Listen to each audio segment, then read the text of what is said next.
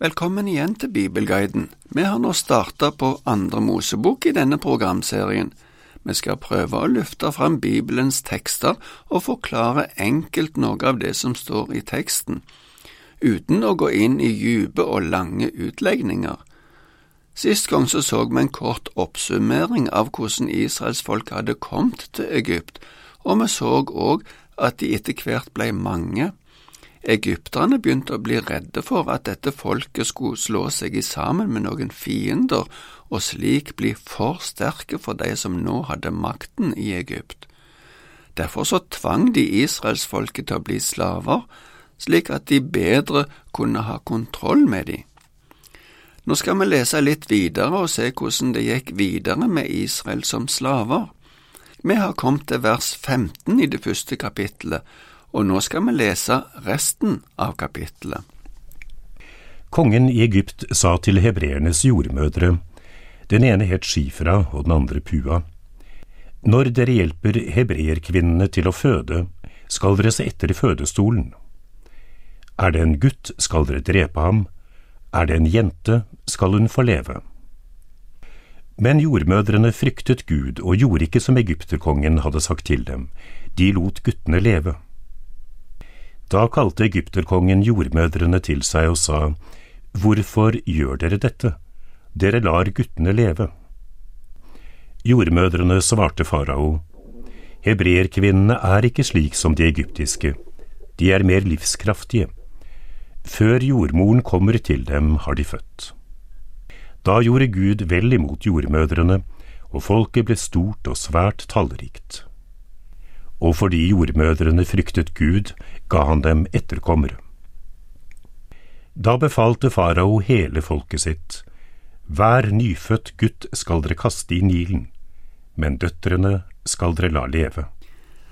Den kongen som nevnes her, er sannsynligvis en annen enn han som starta slaveriet for israelsfolket, for de var nok slaver ei god stund men det er en fortsettelse av det som var satt i gang.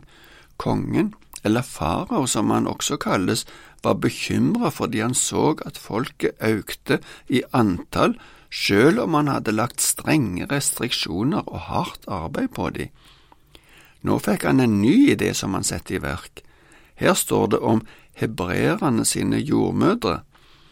Vi kan bare kort nevne at uttrykket hebreere viser til deres stamfar som heter Eber. Israel var et nytt navn som Gud ga Jakob, som var barnebarn til Abraham og far til Josef. Ofte blir uttrykket hebreere og Israel brukt om hverandre, men det er egentlig flere folkegrupper som kan regnes som hebreere. Om disse jordmødrene som nok var Israels folk, står det at de frykter Gud. Det er sannsynlig at det var mer enn to jordmødre, det kan hende det var to representanter som nevnes her, eller at det var to ledere for grupper av jordmødre. Navnene Shifra og Pua betyr henholdsvis den vakre og den storartede. Samtidig kan vi se at navnene på faraoene ikke ble tatt med, det viser litt av hva som Bibelen anser som viktig. Farao beordra jordmødrene til å ta livet av guttebarna. Det var fordi han frykta at antallet menn skulle øke krigstrusselen. Dessuten var det nok også slik at jentene lettere ble tatt inn i de egyptiske folkeslager, og at det var guttene som holdt posisjonene i folket oppe. Gudsfrykten eller frykten for Gud var viktigere enn å adlyde en verdslig hersker, sjøl om livet deres sto i fare når de var mer lydige mot Gud enn mot farao. De ønsker å være til behag for Gud i himmelen. Gud velsigna jordmødrene for det de gjorde. Det blir sagt to ganger i dette avsnittet, og det understreker både at Gud var glad for holdningen og gudsfrykten som de viste, og at jordmødrene gjorde rett og trodde på Gud. men farao irettesatte jordmødrene og fant ut at han ikke kunne stole på dem. Så tok han et nytt grep der han beordra at alle nyfødte barn skulle kastes i Nilen. Nå var det ikke bare jordmødrene som skulle få bort guttebarna, men alle skulle være med på dette. Selv om kanskje jødene forsøkte å skjule barna, var det alltid en eller annen egypter som klarte å fange opp at det var noen som var født. I kapittel to ser vi litt av hvordan det var i en konkret familie som blir beskrevet i de første ti versene. Vi leser nå dette. Det var en mann av Levis hus som giftet seg med en levittdatter. Kvinnen ble med barn og fødte en sønn. Da hun så at det var en fin gutt, gjemte hun ham i tre måneder. Men da hun ikke kunne holde ham gjemt lenger, laget hun en kurv av papyrusrør til ham. Den tettet hun med bek og tjære.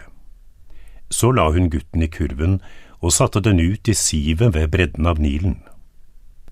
Søsteren hans stilte seg et stykke unna for å se hva som ville skje med ham. Da kom faraos datter ned til elven for å bade, mens de unge jentene i følget hennes gikk fram og tilbake langs elvebredden. Hun fikk øye på kurven i sivet og sendte en av tjenestejentene sine for å hente den. Så åpnet hun den og fikk se gutten, et lite barn som lå og gråt. Hun syntes synd på ham og sa, Dette er et av hebreernes guttebarn. Da sa søsteren hans til faraos datter, Skal jeg gå og hente en hebreerkvinne som kan amme gutten for deg? Ja, gå, sa faraos datter. Så gikk den unge jenta og hentet moren til gutten. Faraos datter sa til henne, Kan du ta denne gutten og amme ham for meg? Jeg skal gi deg lønn. Og kvinnen tok gutten og ammet ham. Gutten vokste opp og hun gikk til faraos datter med ham, og gutten ble en sønn for henne. Hun ga ham navnet Moses, for jeg har dratt ham opp av vannet, sa hun. Nå begynner historien om Moses. Begge foreldrene til Moses var av Levis i ett. Senere utvalgte Gud denne stammen til å være prester og tjenere i gudstjenesten.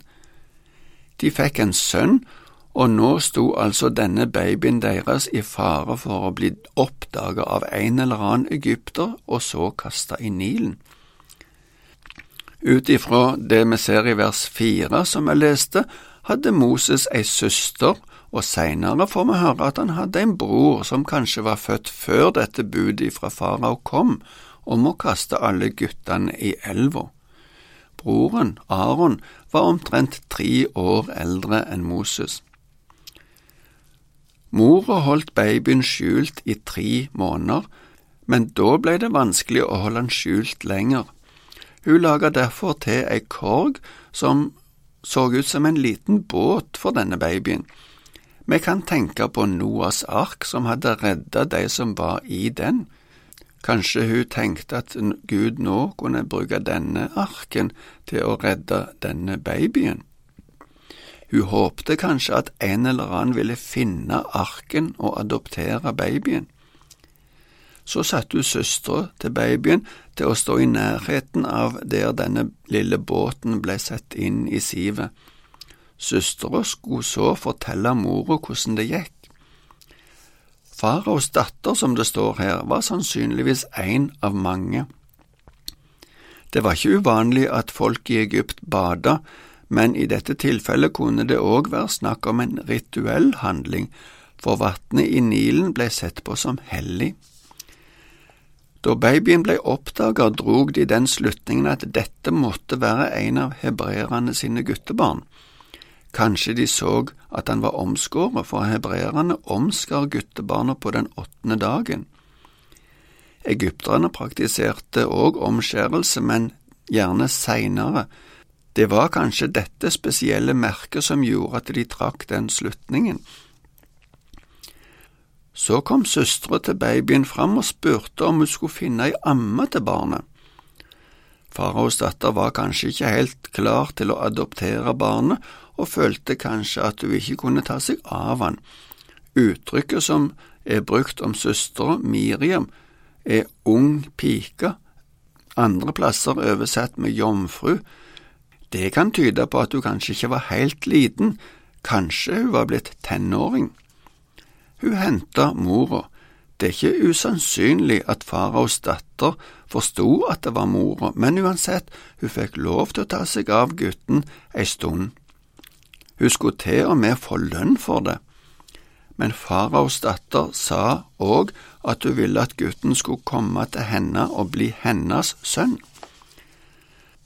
Kontakten ble sikkert etablert mellom Moses' mor og faraos datter, men det gikk sikkert gjennom mellommenn. Etter ei stund måtte hun levere Moses til hoffet.